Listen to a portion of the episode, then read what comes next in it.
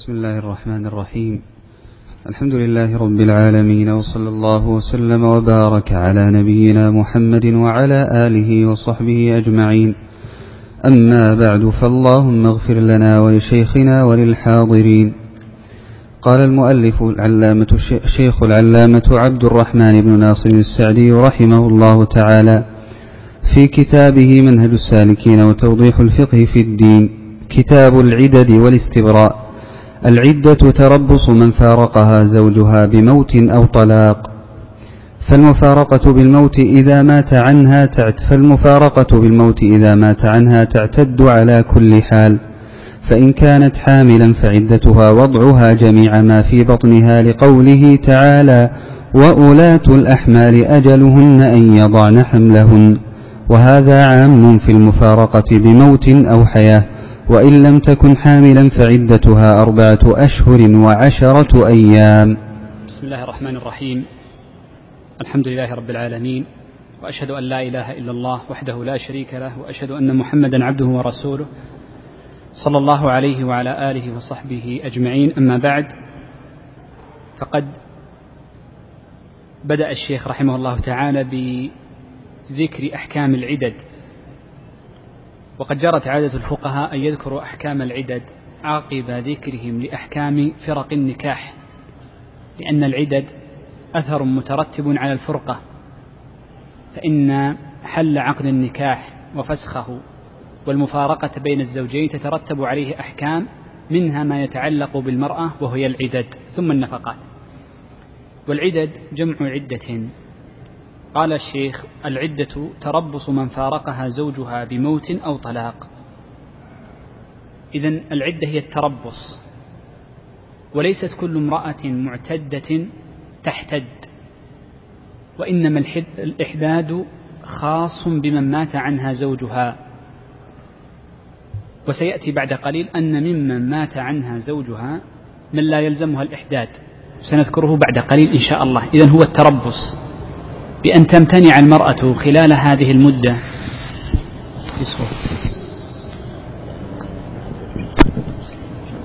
طيب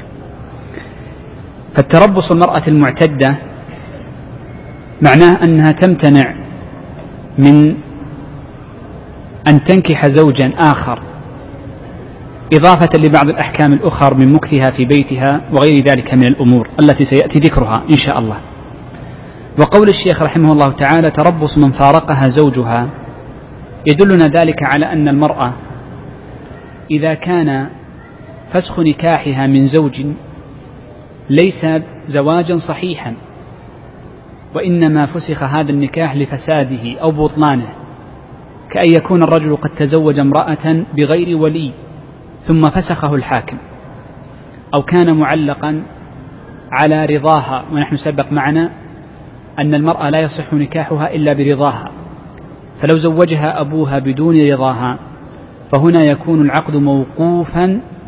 على رضاها فإن أذنت صح وإلا انفسخ فالمقصود أن كل نكاح غير صحيح في ابتدائه كأن يكون مختلفا فيه أو مجمعا عليه فإنه لا تلزم فيه العدة وإنما يكون فيه الاستبراء بدأ الشيخ رحمه الله تعالى بأول أنواع العدد وهي عدة المتوفى عنها فقال المفارقة بالموت أي المرأة التي مات عنها زوجها فإنها تعتد على كل حال أي سواء كان مدخولا بها أو غير مدخول بها وسواء كانت صغيرة أو كبيرة وسواء كان الزوج صغيرا أو كبيرا فقد يتزوج الصغير امرأة ثم يموت الصغير نقول تعتد زوجه فإنها تعتد أيضا أربعة أشهر وعشرة أيام قال فإن كانت حاملا أي هذه المفارقة عنها التي مات زوجها ب ب وكانت المفارقة بالوفاة فإن عدتها أن تضع جميع ما في بطنها لقوله تعالى وأولاة الأحمال أجلهن أن يضعن حملهن إذا فالمرأة إذا كانت حاملا فإن عدتها تنتهي بوضع المولود وقول الشيخ رحمه الله تعالى بوضعها جميع ما في بطنها يدلنا على أن العدة إنما تنقضي بخروج كامل الولد ليس بخروج أوله وإنما بكامله وعلى ذلك فإن فإنها لو كانت حاملا بتوأم بتوأمين اثنين وتأخر خروج الثاني بعد الأول يوما كاملا فإننا نقول إن عدتها لم تنتهي إلا بخروج الثاني إلا بخروج الثاني وعلى ذلك وسيأتي هذه المسألة لو أن امرأة طلقت وكانت حاملا فإنها تعتد بماذا المطلقة الحامل بوضع الحمل أو نعم بوضع الحمل فإنها لا تنتهي عدتها حتى يخرج كامل ولدها فعندما ولدت وأحست بالطلق وخرج أول الولد قال زوجها أرجعتها فإنها ترجع وإن خرج بعض الولد لا بد أن يخرج الولد كاملا أو يخرج الولدان معا إذا هذه هي المسألة الأولى وهو أنه يخرج جميع ما في البطن بكماله أو بكمال الثاني إن كان توأما المسألة الثانية أن هذه المرأة الحامل قد تلد مولودا حيا وقد تلد مولودا ميتا فإن ولدت ميتا فإن الحمل ينقضي به ولكن بشرط أن يكون متخلقا قد تخلق لأن الجنين إذا تخلق فإن معنى ذلك أنه له حكم الآدمي وسبق معنا في بعض الأبواب أننا قلنا إن من أحكام الجنين ما يتعلق بالأربعين يوم ومن الأحكام ما يتعلق بالثمانين ومن الأحكام ما يتعلق بالمئة والعشرين فعند الفقهاء الحكم الذي يتعلق بالأربعين جواز إسقاطه عند بعض الفقهاء لأنه نطفة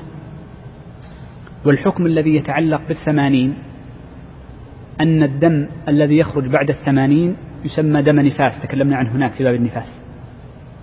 وأن هذا الجنين الذي يخرج وعمره أكثر من ثمانين يوما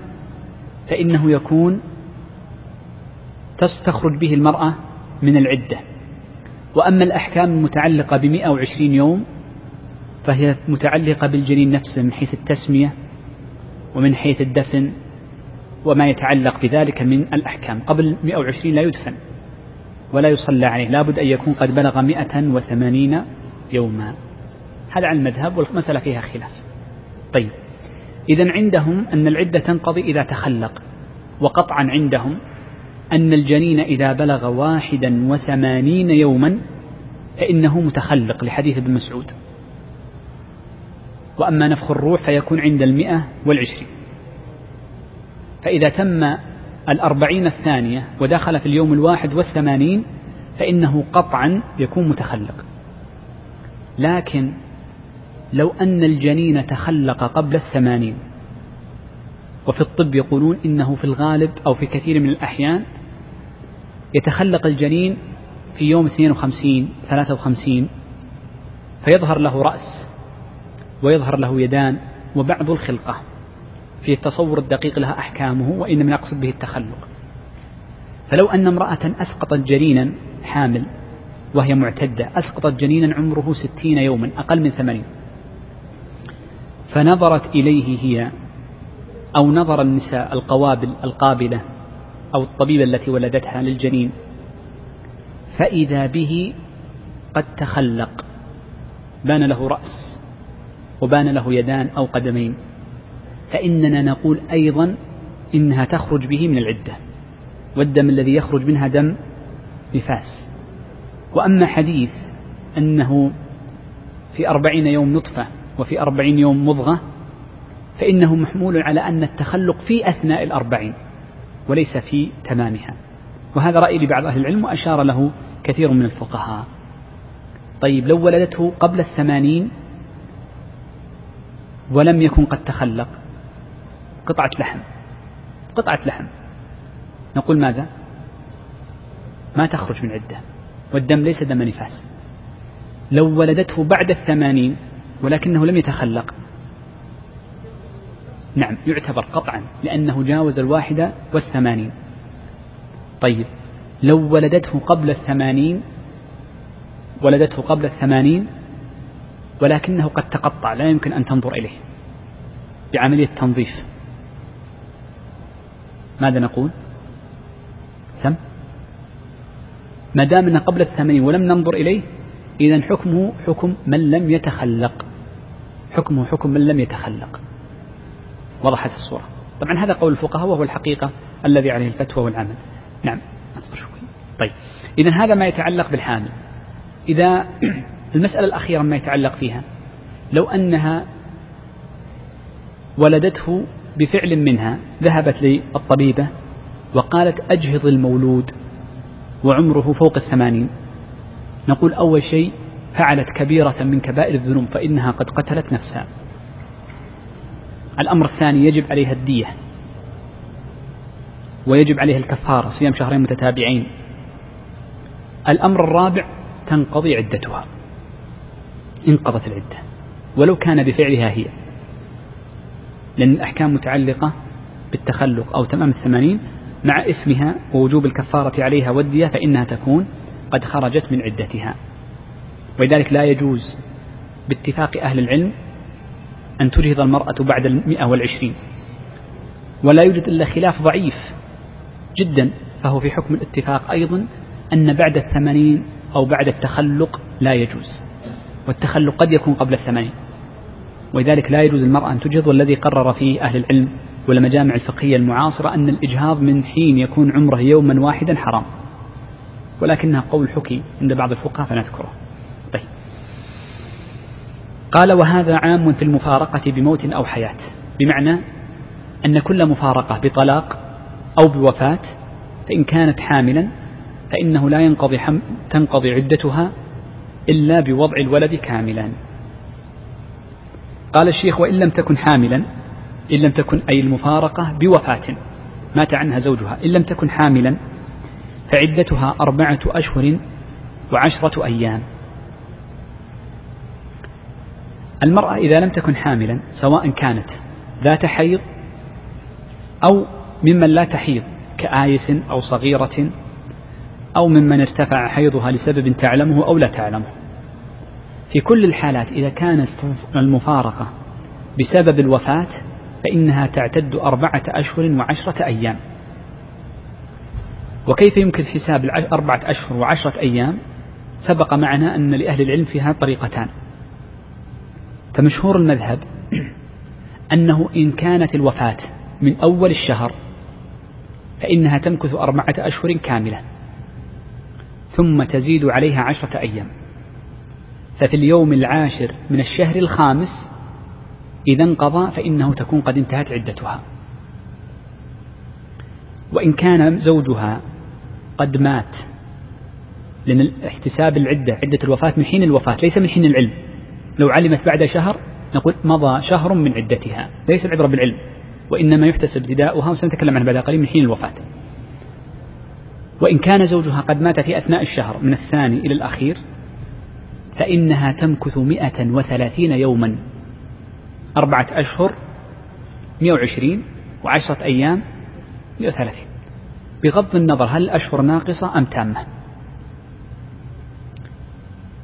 قلنا هذا هو المذهب وعليه عليه أظن جماهير أهل العلم فيما أظن أو أحسب ومن أهل العلم من قال لا بل إنها تعتد بالأشهر مطلقا فلو مات زوجها في اليوم الثاني الثاني من بعد أربعة أشهر تكون قد أتمت أربعة أشهر ثم تزيد عليه عشرة أيام وهذا الرأي الحقيقة لعله يكون أقرب لظاهر الآية وهذا الذي يفتي لا المذهب الأول الثاني هو الذي يفتي به الشيخ عبد العزيز عليه رحمة الله بن باز كان يرى هذا الشيء أن العبرة بمطلق أظن لا, يعني لا يحضر الآن أهو رأي الشيخ تقي الدين أم لا طيب متى نحسب متى نحسب الأيام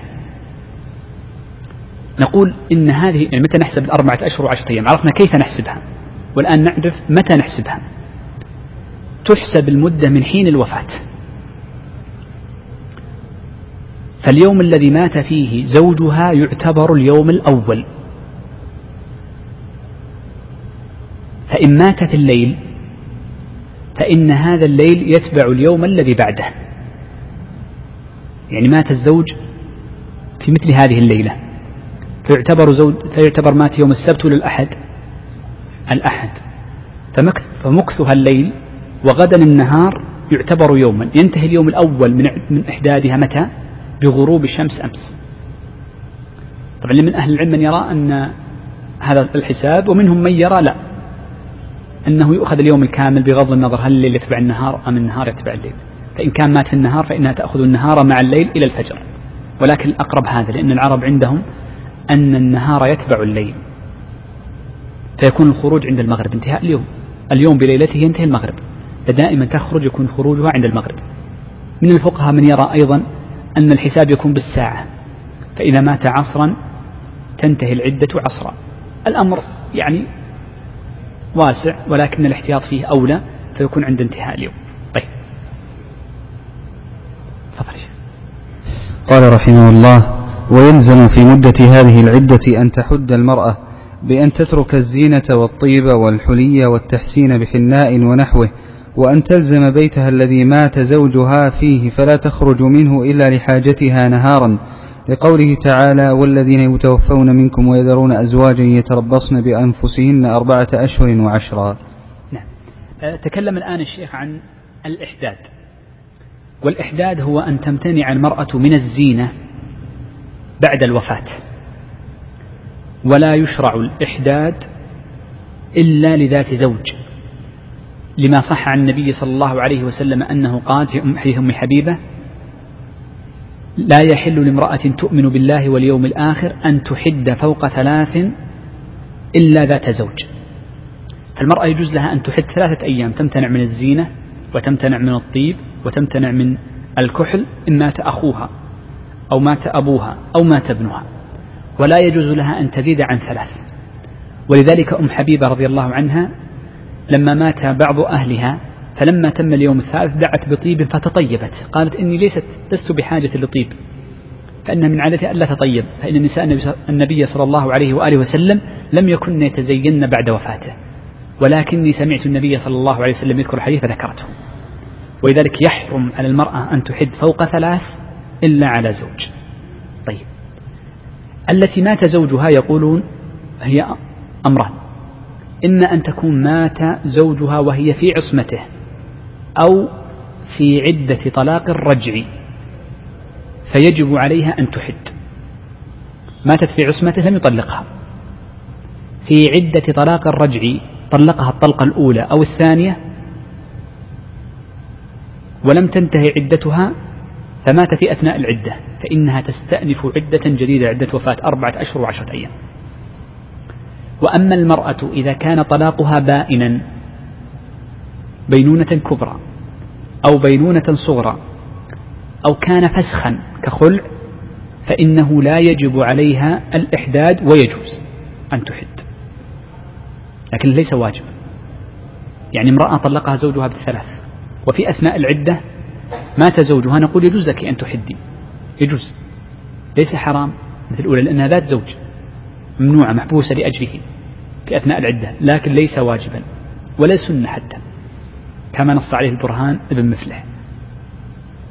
امرأة خولعت قبل أن تنقضي مدة الاستبراء الرحم وهي حيضة مات زوجها نقول يجوز لك أن تحتدي أربعة أشهر وعشر أيام ونحو ذلك الإحداد لما شرع في دين الله عز وجل لحرمة حق الزوج فإن الزوج إذا فورق بوفاة فمن باب إظهار حقه وإظهار الحزن عليه فإن المرأة لا تظهر الزينة وما في حكمها مما سيأتي الأمور الأربعة والخمسة الممنوعة منها وهذه حكمة متلمسة والله أعلم بما في القلوب مما يكون من مودة أو كره المرأة إذا مات عنها زوجها سواء كانت مدخولا بها أو غير مدخول بها يحرم عليها أمور الأمر الأول أنه يحرم عليها الزينة فكل ما يتزين به من الحلي واللباس يحرم فأما الحلي فإن كل حلي تلبسه سواء كان ذهبا أو فضة فإنه, فإنه حرم يجب أنها تخلعه ولو ولو بإزالة بالقوة وأما الحلي غيره مثل هذا البلاستيك وغيره فظاهر كلام الفقهاء أنه جائز جائز فإنهم يعني قالوا وإن لم يكن حليا ذهبا أو فضة جاز ولكن الأحوط أن يترك لأنه من الزينة حقيقة الأمر الثاني الذي يترك من الحلي من الزينة قالوا الثوب ثوب الزينة والنبي صلى الله عليه وسلم قال لا تلبس المرأة ثوبا معصفرا ولا ثوبا ذا زينة ولذلك يقولون إن ثوب الزينة هو ما يتجمل به هو ما يتجمل به بهيئته النبي صلى الله عليه وسلم نظر للون كالممشوق وكالمعصفر ونحوه نظر للون وليس العبرة بالخامة فعلى ذلك يقولون يجوز لبس الأبيض ولو كان حريرا الحرير غالي جدا يجوز لكن الثوب الألوان هذا وإن كان رخيصا بعشرة أريل يحرم فالثوب الأبيض يجوز وإن كان غاليا ويجوز اللون الذي يكون لدرء الوسخ في ألوان تكون لدرء الوسخ وهي الغامقة كالأسود والكحلي والأخضر الغامق هذا لدرء الوسخ وأما الألوان التي تكون فاتحة فإنها في الغالب لا يقصد منها درء وسخ وهي داخلة في الثوب المصبوغ الذي نهى عنه النبي صلى الله عليه وآله وسلم فتكون المرأة ممنوعة منه ولا يلزم المرأة أن تلبس الأسود كما يظن بعض الناس بعض الناس يظن أن المرأة في إحدادها يجب أن تلبس الأسود فقط لا نقول تلبس الأبيض الأسود الكحلي وغير ذلك لكن لا تلبس لونا فاتحا ولا ثوبا مزخرفا نسلمناها على الممشوق الذي فيه خطوط تجميل ونحو ذلك فلا يكون فيه مزخرف يعني مزين هذه هي الزينة التي تنهى عنها وهو الأمر الأول الأمر الثاني الذي تنهى عنه المرأة قالوا الطيب المرأة منهية عن الطيب والنبي صلى الله عليه وسلم قال في حديث معطية لا تمس طيبا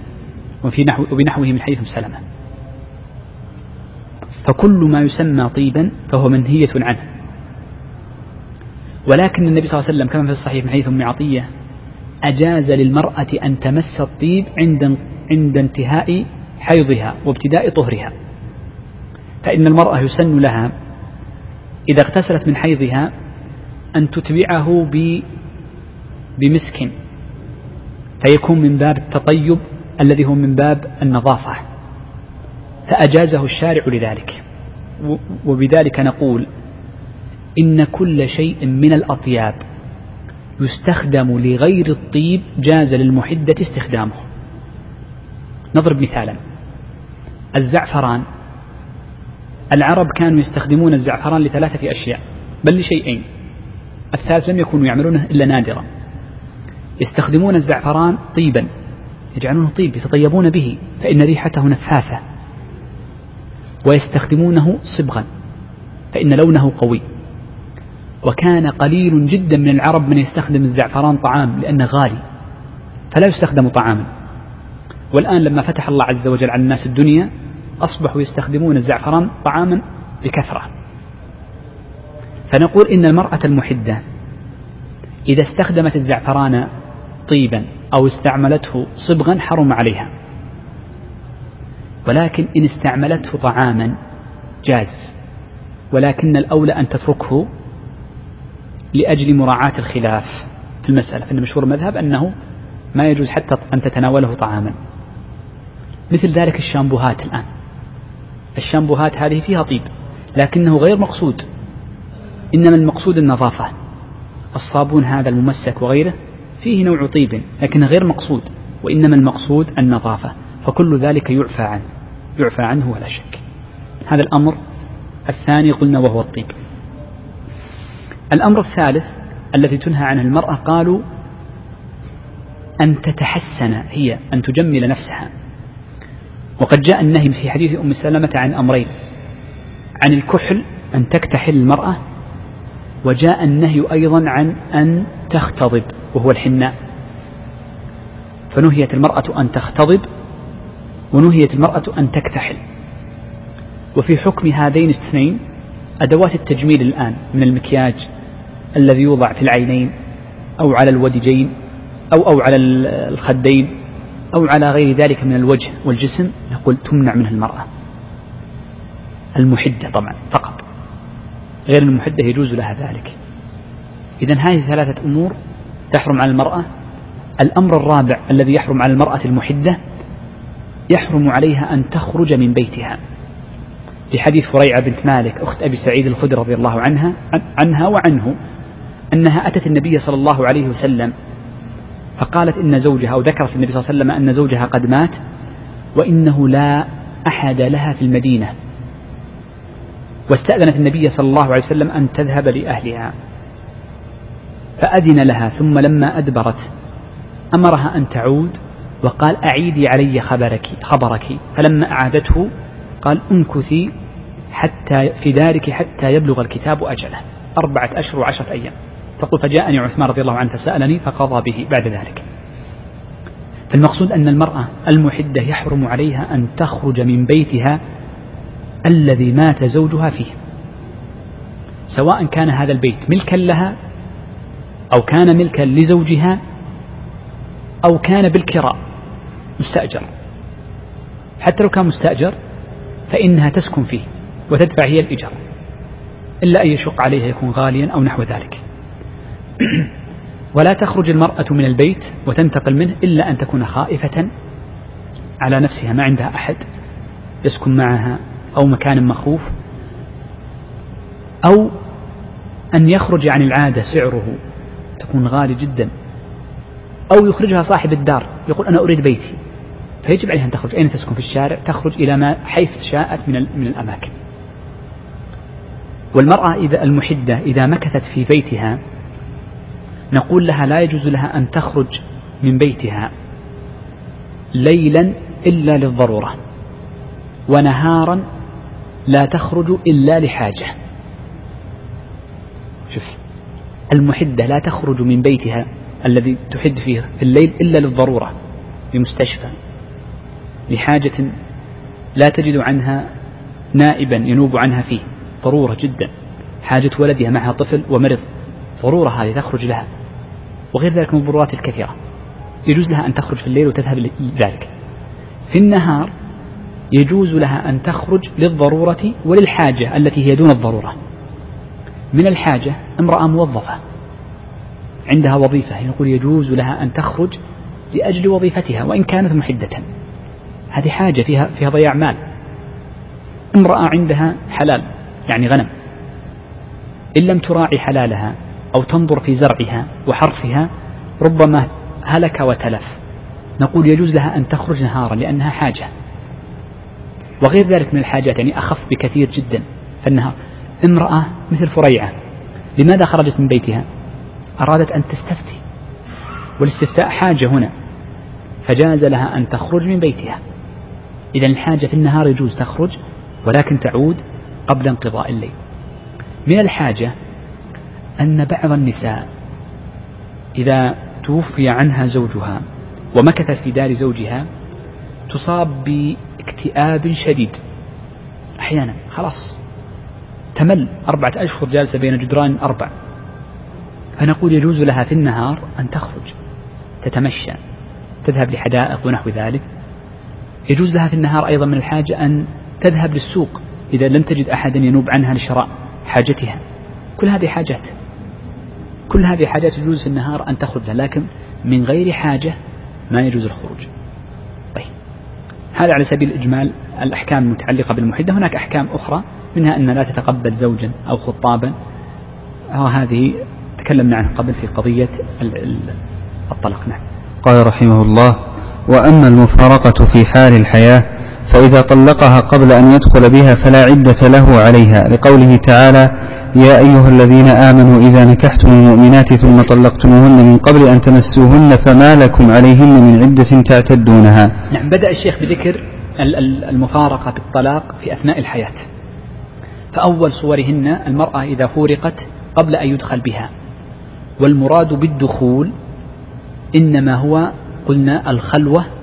وذلك بإغلاق الباب وإرخاء الستر بأن يكون الرجل مع زوجته في مكان مغلق فلو كان معهم معهم رجل ثالث أو شخص ثالث ولو أمها مثلا فإنه لا يكون خلوة لو كان في مكان مفتوح الباب مفتوح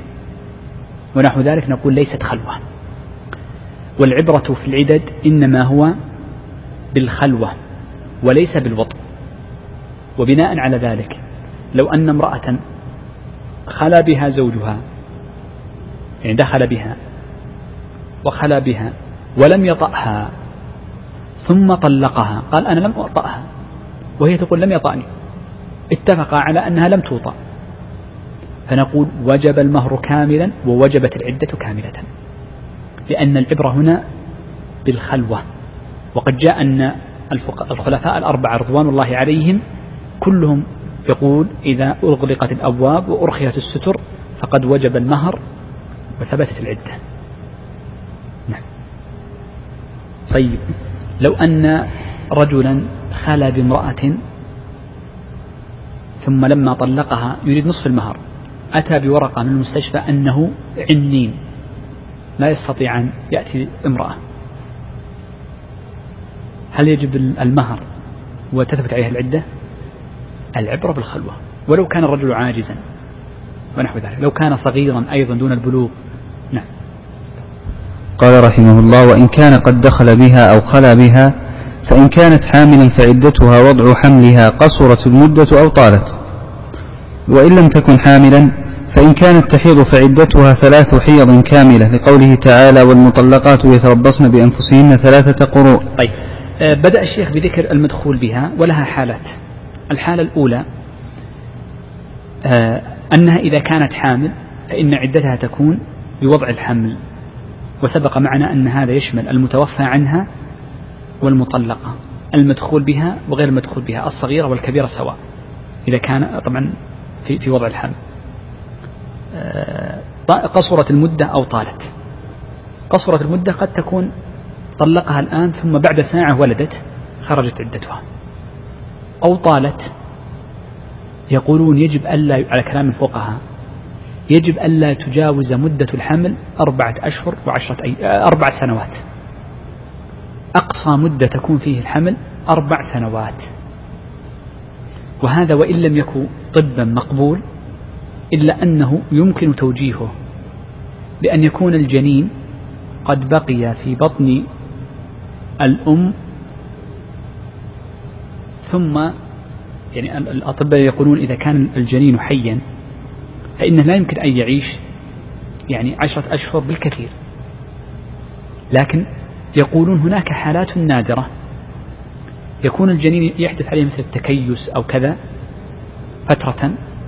فيكون في, في فترة خمول لا ينمو ثم ينمو بعد ذلك ولا بد أن نجعل له حدا أعلى لأقصى مدة الحمل وهذا نادر والنادر لا حكم له ولكن الفقهاء يقولون أربعة أربع سنوات في هذا الزمان أصبح بالإمكان اكتشاف الحمل من عدمه وسائل تباع حتى في البقالات الآن في اكتشاف الحمل من عدمه ولذلك جعل أمد أعلى لأقصى مدة الحمل قد يكون الحاجة إليه أقل في هذا الزمان ولذلك عندما قال بعض أهل العلم أنه لا حد أعلى للحمل وإنما راجع للعرف نعم هو كذلك حجة الفقهاء إنما هو أن نساء بني عجلان كنا يجلسن هذه المدة الطويلة هذا عرف والآن تغيرت الأعراف بوجود وسائل الكشف عن الحمل وغير ذلك أما إن لم تكن المرأة حاملا فإن لها حالات الحالة الأولى أن تكون من ذوات الأقراء يعني تحيض المرأة فإن فإنه يجب عليها أن تمكث ثلاثة قروء والثلاثة قروء أي ثلاث حيض بمعنى يجب أن تمكث ثلاث حيض كاملات شوف كاملات يعني تبتدئ الحيضة وتنتهي وهي مطلقة ثم تبتدئ وتنتهي وهي مطلقة ثم تبتدئ وتنتهي وهي مطلقة وينبني على ذلك أن العدة تنتهي بانقطاع الدم شوف تنتهي بانقطاع الدم من الحيضة إيش الثالثة فانقطاع الدم انتهت العدة لكن يحرم عليها أن تتزوج حتى تغتسل لأن الله عز وجل ربط الإتيان بالوطء ومثله عقد النكاح بالتطهر فإذا تطهرن فأتوهن من حيث أمركم الله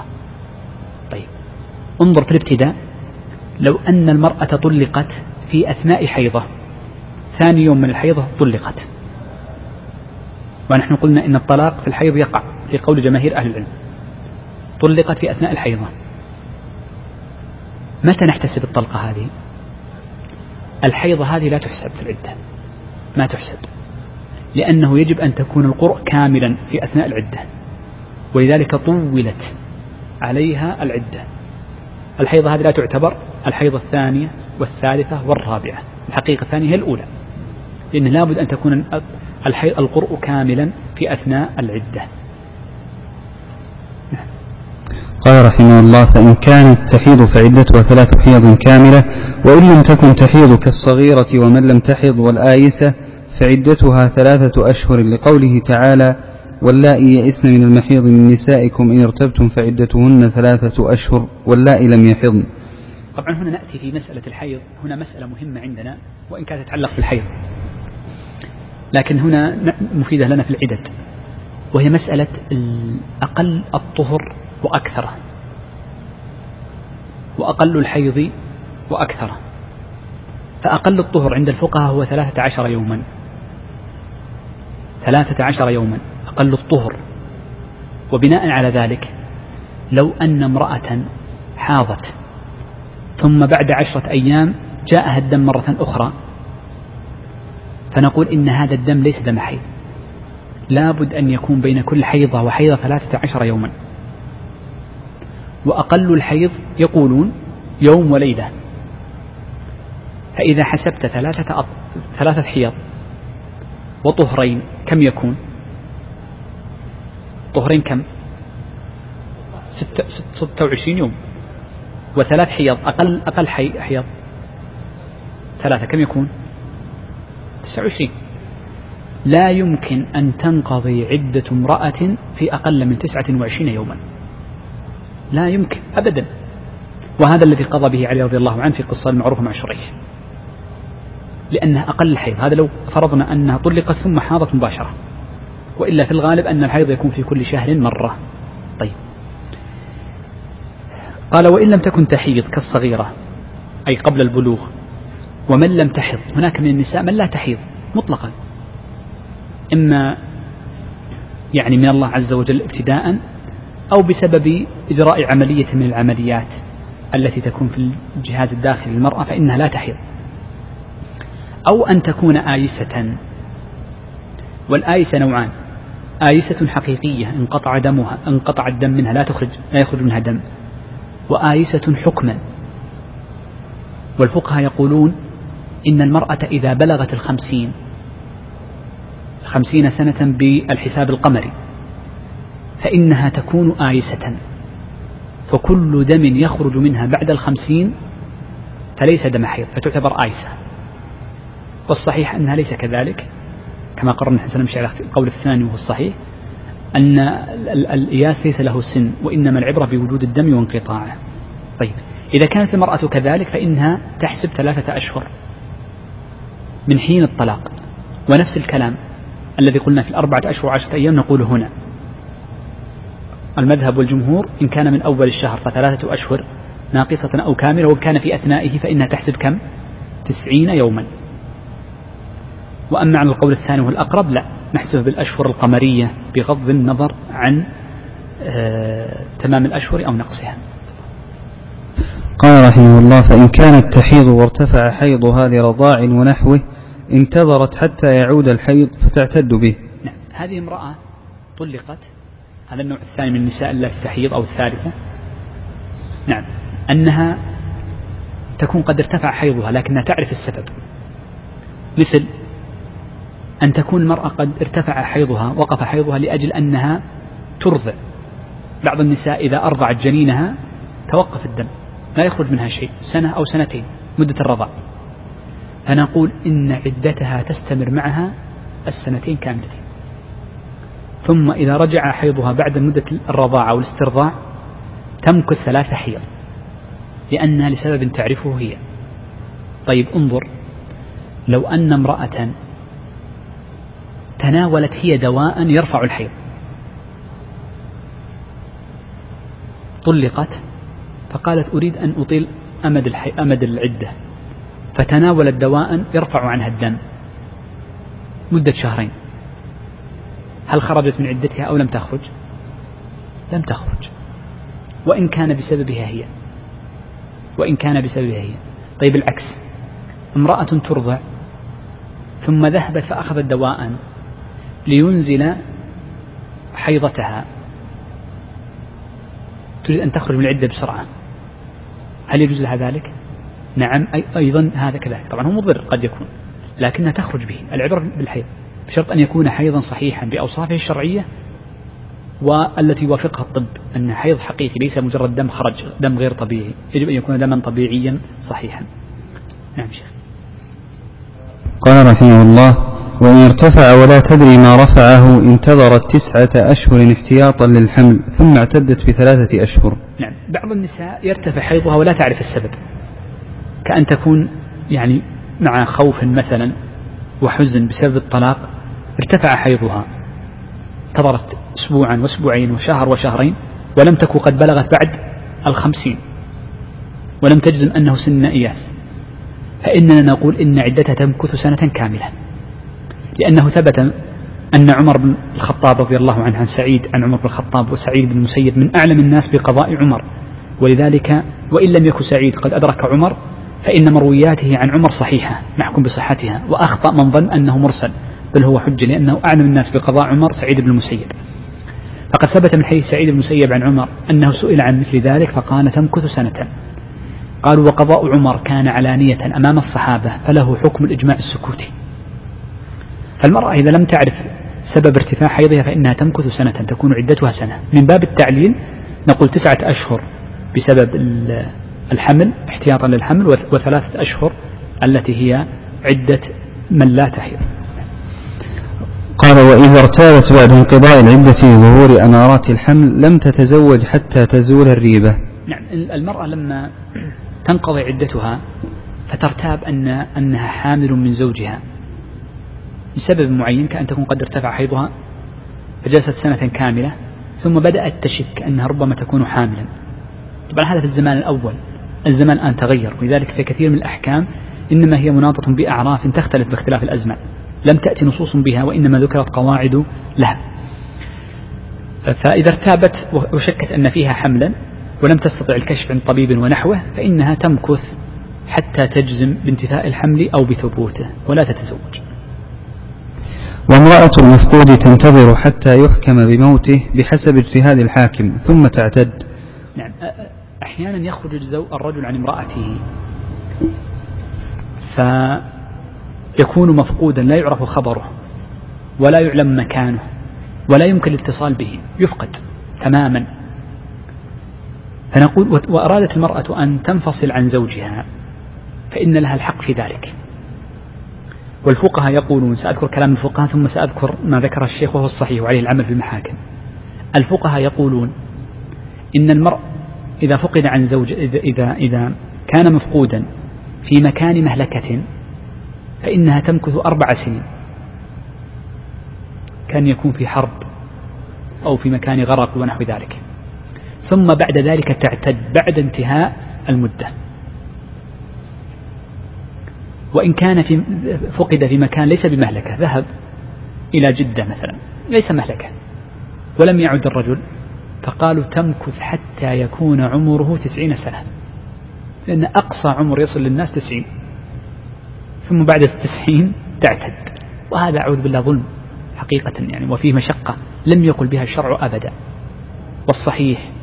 وهي الرواية الثانية في المذهب والذي مشى عليه المؤلف بل كل المحاكم عليه أن هذا عائد لتقدير الحاكم تقدير الحاكم فيقدر القاضي بحسب العرف ثم يحكم ثم يحكم أنه آه، قد توفي فتعتد بعد حكم الحاكم مثال ذلك تذكرون قبل نحو بضع سنوات عبارة السلام التي ذهبت في البحر ثم مات فيها مئات من الناس أقصى محكمة حكمت للنساء جميع أنحاء المملكة ليسوا من منطقة دون منطقة الذين ذهبوا أقصى محكمة حكمت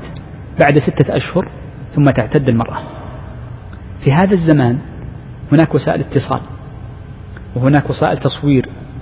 وهناك وسائل أعظم من الزمان الأول ستة أشهر بعد سفينة لم يوجد الرجل معناه أنه قد هلك قطعا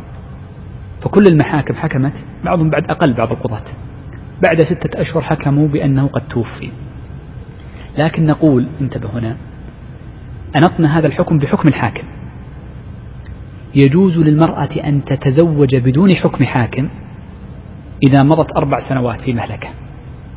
أو أقصى المدة ست سبعين أو تسعين الخلاف إذا لم تكن مهلكة إذا إذا كان بحكم حاكم فلا يجوز لها أن تتزوج إلا بحكم الحاكم وأما إن كان بالمدة التي ذكرناها قبل قليل فإنه يجوز لها أن تتزوج بدون حكم حاكم ولكن الأولى والأحوط أن يكون بحكم حاكم درءا للخلاف والحساب في المسألة قال رحمه الله ولا تجب النفقة إلا لمعتدة الرجعية أو لمن فارقها زوجها في الحياة وهي حامل لقوله تعالى وإن كن أولات حمل فأنفقوا عليهن حتى يضعن حملهن نعم النفقة سنتكلم عنها إن شاء الله إن أمكن اليوم إن أمكن يمكننا إن شاء الله آه، لا تجب للمطلقات مطلقا إلا المعتدة الرجعية أي في أثناء عدتها أو لمن فارقها زوجها في الحياة يعني فارقها زوجها من غير وفاة سواء كان في طلاق رجعي أو في طلاق غير رجعي كأن يكون طلاق ثلاث بينونة كبرى أو في خلع بينونة صغرى أو في آه، فسخ فإنه يجب أن ينفق عليها ما دامت حاملا لأن النفقة لأجل الحمل وليس لأجل الزوجية طيب المعتدة أربعة أشهر وعشرة أيام هل تجب لها النفقة المعتدة وفاة وليست حاملا هل يجب لها النفقة معتدة ما يجب لها النفقة لها الورث طيب البيت البيت الذي هي ساكنته ساكنة مع أخوان مع يعني لباقي الورثة الحق فيه تدفع لهم كراء إلا أن يتنازلوا وهو مكارم الأخلاق تدفع هي الكراء ما لم يكن شاقا عليها الكراء عليها هي من مالها هي وليس من مال مال الورثة أنا أقول هذا لماذا؟ لأن كثير من الأسر الحقيقة عند بعد الوفاة ينفقون في مدة العدة على الزوجات الزوجتين من الميراث هذا لا يجوز الميراث ملك باقي الورثة بعضهم قصر لا يجوز أن تصرف ريالا واحدا من ميراثهم إلا بإذن نعم قد تقول اسكنوا في البيت بما أن البيت ملك لا ينقص الورثة شيء فيعفى عن الشيء اليسير مثل السكن بدون كرة لعدم وجود المشاحة إن كان أمر فيه سعة ولكن ما عدا ذلك لا يجوز وإنما تنفق عليها من مالها هي ولو كان البيت إيجارا فهي التي تستأجره هذا في في الطلاق وهذه الوصية السابقة نسخت هذه الآية كاملة إيه؟ طيب ناخذ الاستبراء قال رحمه الله وأما الاستبراء فهو تربص الأمة التي كان سيدها يطأها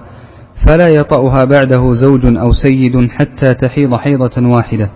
وإن لم تكن من ذوات الحيض تستبرأ بشهر أو وضع حملها إن كانت حاملة نعم الاستبراء ما هو استبراء الرحم يؤتى به لأمرين الأمر الأول في الفسوخات أو ثلاثة أمور نقول كل عقد فسخه القاضي أو كان بخلع من المرأة فليس عليها عدة وإنما عليها استبراء استبراء بحيضة كاملة حيضة بمعنى أنه لا يوجد في رحمها حمل فهنا الاستبراء ليس لأجل الزوج مصلحة الزوج وإنما لدرء الحمل واختلاط الأنساب هذا الأمر الأول الذي استبرأ له الأمر الثاني كل وطئ بشبهة شوف كل وطئ بشبهة فإنه يجب فيه استبراء مثل وطئ بشبهة ماذا رجل أخطأ فظن امرأة زوجته فوطئها بشبهة فإنها يحرم على زوجها أن يقربها حتى تحيض حيضة واحدة طيب فإن حملت فنقول إن هذا الولد ولده هو ولد زوجها مو زوجها ولد الذي وطئها بشبهة لأن النسب يثبت بوطئ الشبهة يثبت بوطئ الشبهة إذا هذا الأمر الثاني الأمر الثالث في الإماء الذي ذكره الشيخ هنا والإماء لهن حالتين إذا كانت الأمة ملك الرجل فلا يجوز له أن يبيعها ولا أن يزوجها إن كان قد وطئها حتى تستبرئ عنده بحيضة ما يجوز إذا كان الرجل وطئ أمة فلا يجوز له أن يبيع هذه الأمة ولا يزوجها لحر أو لعبد إلا أن يستبرئها بحيضة لكي لا تختلط الأنساب فإن زوجها أو باعها صح العقد عقد النكاح وعقد البيع ولكن يحرم على المشتري أن يطأها أو الزوج أن يطأها حتى يستبرئها بحيضة إذا الأمر الأول الاستبراء يكون واجبا على البائع أو المزوج ولي الأمة الأمر الثاني يكون واجبا على المشتري إذا اشترى أمة لم تستبرأ أو اشترى أمة ولم يعلم حالها فيجب أن تستبرأ يجب أن تستبرأ بحيضة ناخذ نفقات دي نعم. بقي شيء ان شاء الله طيب تفضل قال رحمه الله باب النفقات للزوجات والأقارب والمماليك والحضانة على الإنسان نفقة زوجته وكسوتها ومسكنها بالمعروف بحسب حال الزوج لقوله تعالى لينفق ذو سعة من سعته ومن قدر عليه رزقه فلينفق مما آتاه الله لا يكلف الله نفسا إلا ما آتاها نعم. آه، شرع الشيخ رحمه الله تعالى بذكر أحكام النفقات وهو آخر أحكام الأنكحة وما يتعلق بها وجعل في آخرها لأنه في الحقيقة فيه إيجاب من حيث المال وإن كان متعلقا بعقد الزوجية ثم ألحق ما يشابهه من النفقة على القرابات والمماليك والحيوان ونحو ذلك بدأ الشيخ بالنفقة على الزوجة فيجب على المرء أن ينفق على زوجته كقوله تعالى لينفق ذو سعة من سعته ومن قدر عليه رزقه فلينفق مما أتاه الله لا يكلف الله نفسا إلا ما آتاها آه، ما الذي يجب على الزوج أن ينفق على امرأته نقول يجب عليه أمران يجب شيء يتعلق بالكمال وشيء يتعلق بالإجزاء أما الكمال فهو المعروف بأن يكون الرجل يعاملها بالمعروف ما الذي جرى العرف به فإنه يعاملها به ولذلك الأصل في في في في, في أحكام الزوجية كما ذكرنا في المعاشرة المعروف يحسن إليها ولكن لا يكون المرء مسرفا ولا يكون مقترا وذلك النبي صلى الله عليه وسلم بين أن كل أمر كل درهم ينفقه المرء على أهله ليس النفقة الواجب بل ما زاد عن الواجب فإنها صدقة ما لم يصل إلى حد الإسراف والمخيلة والبعض إذا طاوع أهله وكان أهله ممن لا يحسن الإنفاق فإنه ربما أنفق كل ما عنده واستدى ولذلك يعني من نعم الله عز وجل على المرء أن يرزق زوجة حافظة لماله المرأة الصالحة التي تحفظه في نفسها وماله كما قال وسلم لا تكون مسرفة وأن تكون مدبرة في المال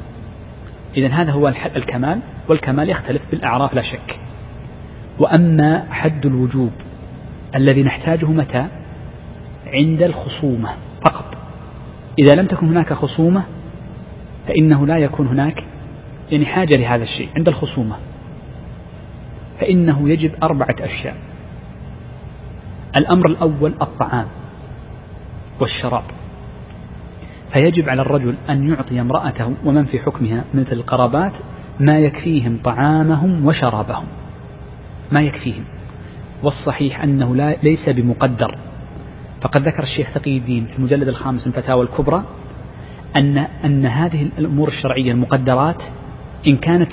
من حق لله عز وجل فإنها مقدرة بالتمام مثل زكاة الفطر مقدرة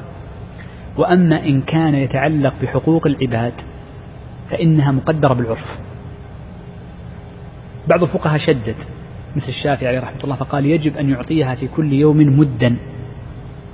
من حب لو أعطاها غير الحب ما يكفي لو أعطاها فلوس ما يجزئ يجب أن يكون حبا الحقيقة أن هذا فيه يعني مشقة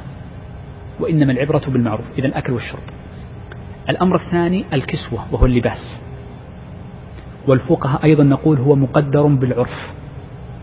الفقهاء قديما أو الحال الناس قديما وأذكره إلى عهد قريب لما كنا صغارا كان الناس لهم أو, أو الرجل يعني يعطي امرأته كسوتين كسوة في الشتاء وكسوة في الصيف هذا الذي يذكره الفقهاء وكان كبار السن عندنا يفعلون ذلك مع أهلهم ربما تذكرون مع آبائكم مع أنه ينفق عليها السنة كلها لا بد من كسوة الشتاء وكسوة الصيف لأنه يقرأ في كلام الفقهاء يجب على الرجل أن يعطي زوجه وأبنائه كسوتين والصحيح أن هذه الكسوتين إنما هي حال الوجوب الذي في ذلك الزمان آه، مقدر به وأما في عصرنا فإن الأقمشة تغيرت الثوب ليس بقوة الثوب الأول وجودته وما يتعلق به وتغيرت أعراف الناس فلا نقول إنه يجب كسوتين في السنة وإنما هو مرده للعرف ويقدره القاضي عند الوجوب وما عدا ذلك فالإحسان مشروع الأمر الثالث قالوا هو السكن فيجب على الرجل أن يسكن زوجته وأبناءه ومن تجب نفقتهم في مسكن يسكنون مثله ولا يجب عليه أن يكون ملكا بل الواجب عليه الحد هو الكرة الإيجار الملك ليس واجب فيسكنهم مسكنا يسكنون مثله يسكنون مثله وينبني ذلك على العرف فلو أن العرف أن مثل هذه المرأة مع زوجها يسكنان في غرفة عند والديهم نقول هذا سكن سكن لها وإن كان العرف لأنها في بيت مستقل فيكون سكنها بحسب العرف في بيت مستقل صغيرا كان أو كبيرا طيب لو كان الرجل يسكن مع أخيه في غرفة واحدة نقول هذا ليس في النفقة يجب عليه أن يسكنها في بيت خاص لها ليس البيت فلة أو شقة البيت هو الغرفة يعني مكان مستقل لها لزوجته هذا أقل ما يسمى سكنا ولكنه لا بد أن يناط بالعرف عرف بحسبه وحسبها نعم قال بالمعروف أي بحسب العرف بحسب حال الزوج فالأصل أنه متعلق بحال الزوج في الوجوب في حد الوجوب وأما في حد العشرة بالمعروف فبحالهما معا قال رحمه قال رحمه الله يلزم بالواجب من ذلك إذا طلبت يعني وفي الواجب من ذلك هي الأمور التي ذكرناها قبل قليل الحد الأدنى وقد اختلف الفقهاء في الحد الأدنى والصحيح أنه مقدر بفعل تقرير القاضي وهو موجود عند القضاة باقي الأمر الرابع الذي نسيناه نقول هو ذكرنا ثلاثة الطعام والشراب الثاني اللباس الثالث المسكن الأمر الرابع ضروريات الحياة فإن كل شيء من ضروريات الحياة يجب على الزوج الاتيان به لزوجته وضروريات الحياة تختلف من زمان إلى زمان ففي الزمان الأول مثلا كان ضرورة الحياة قدر فيكون القدر واجب على الزوج وكانت من ضرورة الحياة قديما الماء وأجرة السقة فيكون هو واجب على الزوج في الزمان الأول لم يكن العلاج واجبا فإنه كان رخيصا وكان يبذل بشبيه المجان لذلك لم يكن واجبا فكان الفقهاء يقولون إن, إن العلاج ليس واجبا على الزوج في زماننا تغير الحال أصبح للعلاج مؤنة وأصبح لا يبذل إلا بمال وهو من الضروريات إن كان العلاج ضروريا أو حاجيا العلاج التحسيني ليس واجبا هناك علاج تحسيني معروف العلاج التحسيني التجمل ونحو ذلك فليس واجبا الذي يجب على الزوج العلاج الضروري والحاجي دون ما عداه بشرط أن يكون بحسبه هو غير مقتدر ماديا أنا والله ما أستطيع تعرفون بعض العلاج قد يصل للملايين إذا كان الشخص مبتلى مصاب بعض الأمراض الخطيرة تحتاج علاجا كيماويا قد يكون علاجه بالملايين أحيانا هذا بعض الرجال لا يستطيع ما يستطيع هذا الرجل فما دام أنه كذلك فإنه يسقط عنه وفي حديث جابر الذي رواه مسلم ولهن عليكم رزقهن وكسوتهن بالمعروف نعم هذا الدليل على وجوب الكسوة والرزق الذي هو النفقة في الطعام ونحوه وعلى الإنسان نفقة أصوله وفروعه الفقراء إذا كان غنيا وكذلك من يرثه بفرض أو تعصيب هذه ما يسمى بالنفقة على الأقارب والنفقة على الأقارب نوعان نفقة على الأصول والفروع سواء كان الأصول والفروع ذكورا أو إناثا سواء كانوا وارثين أو ليسوا بوارثين فبنت البنت ليست وارثة وتجب نفقتها إذا كانت فقيرة يجب على جدها أن ينفق عليها والجدة أم الأب مثلا لا تعرف أم أم الأب أم أب الأم ليست بوارثة فتجب نفقتها كذلك فيجب على الفروع والأصول أن ينفقوا عليهم ينفقوا بماذا إذا كان عندهم نقص في طعامهم يعطونهم إذا كان عندهم نقص في في ملبسهم يعطونهم إذا كان عندهم نقص في مسكنهم يعطونهم يعني في الإيجار يعطونهم قيمة الإيجار من النفقة الواجبة من غير منه إذا كان عندهم نقص في ضروريات الحياة مثلا من ضروريات الحياة في زماننا الآن الثلاجة فكان الشخص أبوه أو ابنه ليس عنده ثلاجة نقول يجب على أصوله أو فروعه أن يبذلوا له الثلاجة والحكم متعلق بالجميع هذا النوع الأول ولا يشترط فيها حكم حاكم النفقة على الأصول والفروع ما يلزم هي واجبة ولو بدون حكم حاكم انظر النوع الثاني من القرابات القرابات من العصبات أو من يرث بفرض قد لا يكون عصبة مثل أخ لأم فهؤلاء من القرابات الذين تجب نفقتهم تجب نفقتهم والصحيح أنه لا تجب نفقتهم إلا بأحد أمرين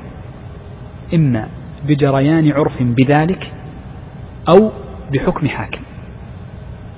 لماذا قلنا هذا الشيء لأن انتبه هذه المسألة لأننا إذا قلنا وجبت النفقة لهم معنى ذلك حرمت الزكاة عليهم أنتم معي في هذه أنا أطلت اليوم في الدرس وأحس أنكم بدأتم تتعبون قاعدة إذا وجبت النفقة ماذا حرمت الزكاة الأصول والفروع تحرم الزكاة مطلقا إذا تجب النفقة مطلقا من غير حكم حاكم الزكاة تجب في ماذا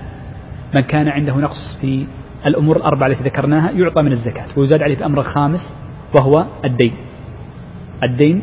يجوز إعطاؤه في الزكاة ولا يلزم بذله في النفقة يعني واحد خرج عن الدرس قليلا شخص أبوه أو أمه عندها نقص في الطعام يجب عليه أن ينفق عليه ويحرم عليه أن يعطيهم من الزكاة عندهم نقص في المسكن يجب أن يعطيهم من نفقه ويحرم عليهم الزكاة عندهم نقص في ضروريات الحياة كذلك عليهم دين الصحيح كما ذكرنا قبل أن الدين يجوز إعطاؤه من الزكاة ولو كان من أصوله أو فروعه شخص دين عليه حال يجوز إعطاؤه من الزكاة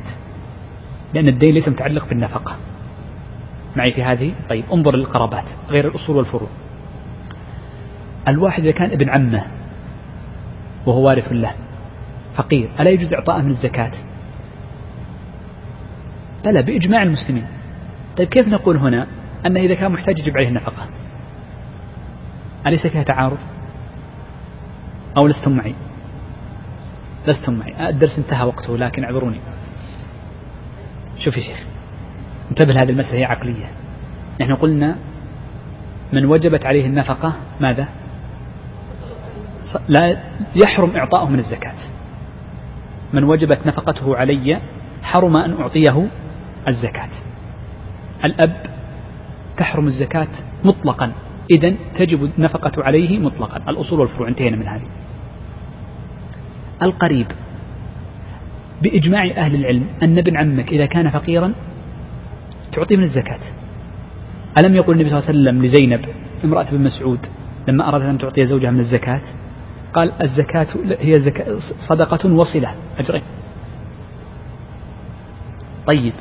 لو قلنا إن كل واحد من القرابات يكون فقير تجب الزكاة تجب النفقة له إذا ما الذي يكون ما يعطى أحد من القرابات الزكاة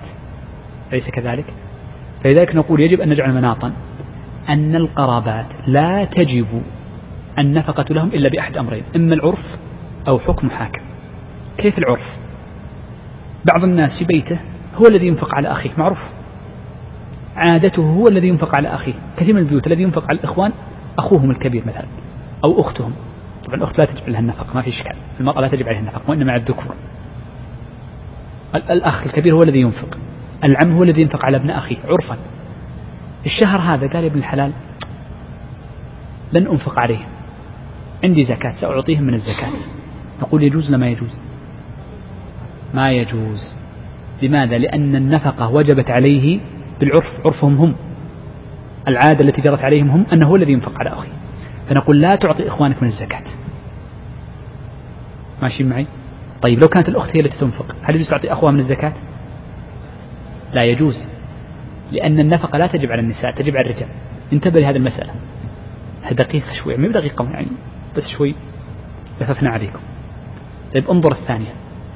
لو أن ابن عم فقير راح المحكمة قال أنا فقير ولا عندي فلوس ولا أجد أحد ينفق عليه فقال له القاضي من من ابن عمك غني قال والله ابن عمي زيد غني فقال القاضي حكمت أن زيدا تجب عليك نفقة ابن عمك بالأمور الأربعة ذكرناها قبل قليل تعطيه كسوة ولباس وغير ذلك إذا يحرم على زيد أن يعطي ابن عمه هذا الذي وجب عليه الحكم من الزكاة فأنت أعرف بس أنا أريد أن نصل لمسألة واحدة وهي أن النفقة على الأقارب إنما تجب بماذا؟ بعرف أو حكم حاكم جرى عند الناس أن فلان هو اللي ينفق طيب تفضل وفي الحديث للمملوك طعامه وكسوته ولا يكلف من العمل إلا ما يطيق نعم. رواه مسلم هذا حديث دليل على أن النفقة للمملوك واجبة نعم وإن طلب التزوج زوجه وجوبا إن طلب التزوج من أهو المملوك أم القرابات فيه خلاف بين أهل العلم فمنهم من خص التزويج بالمملوك هو الذي إذا طلب التزويج يجب أن يزوج لأنه أصلا لا يتزوج إلا بإذن سيده ولحاجته فيزوج فكأنه ملك له ومن أهل العلم من يقول أنه يزوج من تجب نفقته كأبنائه وهذا هو الصحيح فإن من تجب نفقته من الأصول أو الفروع إذا أراد التزوج لحاجة وليس نقول آه، ترفه عنده زوجة لكن يريد زوجة ثانية لكن لحاجة قد تكون عنده زوجة لكن لحاجة زوجة ثانية ممكن فإنه تجب على من تجب نفقته عليه أن يزوجه ولكن بالمعروف المهر المعتاد والزواج المعتاد فقط الوليمة التي تكلف عشرات الألوف ليس واجبا عليك المصاريف الأخرى في الزواج من العادات هذه ليست واجبة الواجب هو التزويج المهر فيعطيه المهر وسكن البيت له ولزوجته المعتاد وضحت لأنه التزويج داخل من ضروريات الحياة بعض الناس مستعد أن يصبر عن الطعام ولا وليس مستعدا أن يصبر عن النكاح نعم نمشي عشان انتهى الوقت طولنا عليكم جزيلا خيرا وعلى الإنسان أن يقيت بهائمه طعاما وشرابا ولا يكلفها ما يضرها وفي الحديث كفى بالمرء إثما أن يحبس عمن يملك قوته رواه مسلم نأخذ هذه الجملة ونختم بها ونبدأ إن شاء الله بالحضانة الأسبوع القادم آه، من, من رحمة الله عز وجل أنه أوجب النفقة حتى للبهائم فمن كانت عنده بهيمة نعني بالبهيمة التي تؤكل أو التي تحبس مثل الكلب ونحوه فإنه يجب عليه أن يطعمه والنبي صلى الله عليه وسلم بين أن الذي يمنع يحبس هرة أن امرأة دخلت النار في هرة حبستها فلا هي أطعمتها ولا هي تركتها تأكل من خشاش الأرض فدل على أن من حبس البهائم ولم يطعمها فإنه آثم والنبي صلى الله عليه وسلم بين أنه يدخل النار وعجب شأن هذه الشريعة فإنه كما قال أبو ذر النبي صلى الله عليه وسلم مات ولم يترك لنا شيئا حتى الطائر في السماء إلا وأعطانا من خبره فهذه البهائم لا يجوز أن يحمل عليها فوق طاقتها أو أن تستعمل في غير ما خلقت له فالذي يركب البقر حرام جعلها من باب الركوب فإنها لم تخلق لذلك والأمر الثالث يجب عليه أن يطعمها وأن يعطيها شرابها فإن لم يستطع باعها ويحرم عليه أن يجعلها كذلك ويحرم عليه أيضا أن يجعلها غرضا يتعلم الصيد على الدجاج بعض الناس يجعل الدجاج كالغرض ثم يأتي بالبندقية ويصيب حرام كل هذه الأمور محرمة وهذه تدل على عظم هذه الشريعة وقد بين النبي صلى الله عليه وآله وسلم أنه في يوم القيامة يقتص من الشاة القرناء للشاة ايش؟ الجلحاء للشاة الجلحاء التي لا التي لا قرن لها فدل ذلك على أن هذه الشريعة شريعة عظيمة تأمر بالعدل ولكنها جعلت الآدميين مكلفين ليحاسبوا ويؤجروا فإن الغنم بالغرم يوم القيامة أسأل الله عز وجل للجميع التوفيق والسداد ومعذرة زودنا عليكم أظن كم خمس دقائق ولا أكثر كم أخذنا شيخ ظافر أخذنا أكثر من ساعة كم عشر أوف إن شاء الله بإذن الله عز وجل بقي لنا أظن كم درس يا شيخ إبراهيم درسان إيه، باقي درسان يبقى عندنا نقف إن شاء الله على كتاب الجنايات سنجعل له يوما إن شاء الله نجد لها مخرج ننهيه قطعا إن شاء الله هذه السنة الكتاب بإذن الواحد الأحد أسأل الله عز وجل جميع التوفيق والسداد في شيء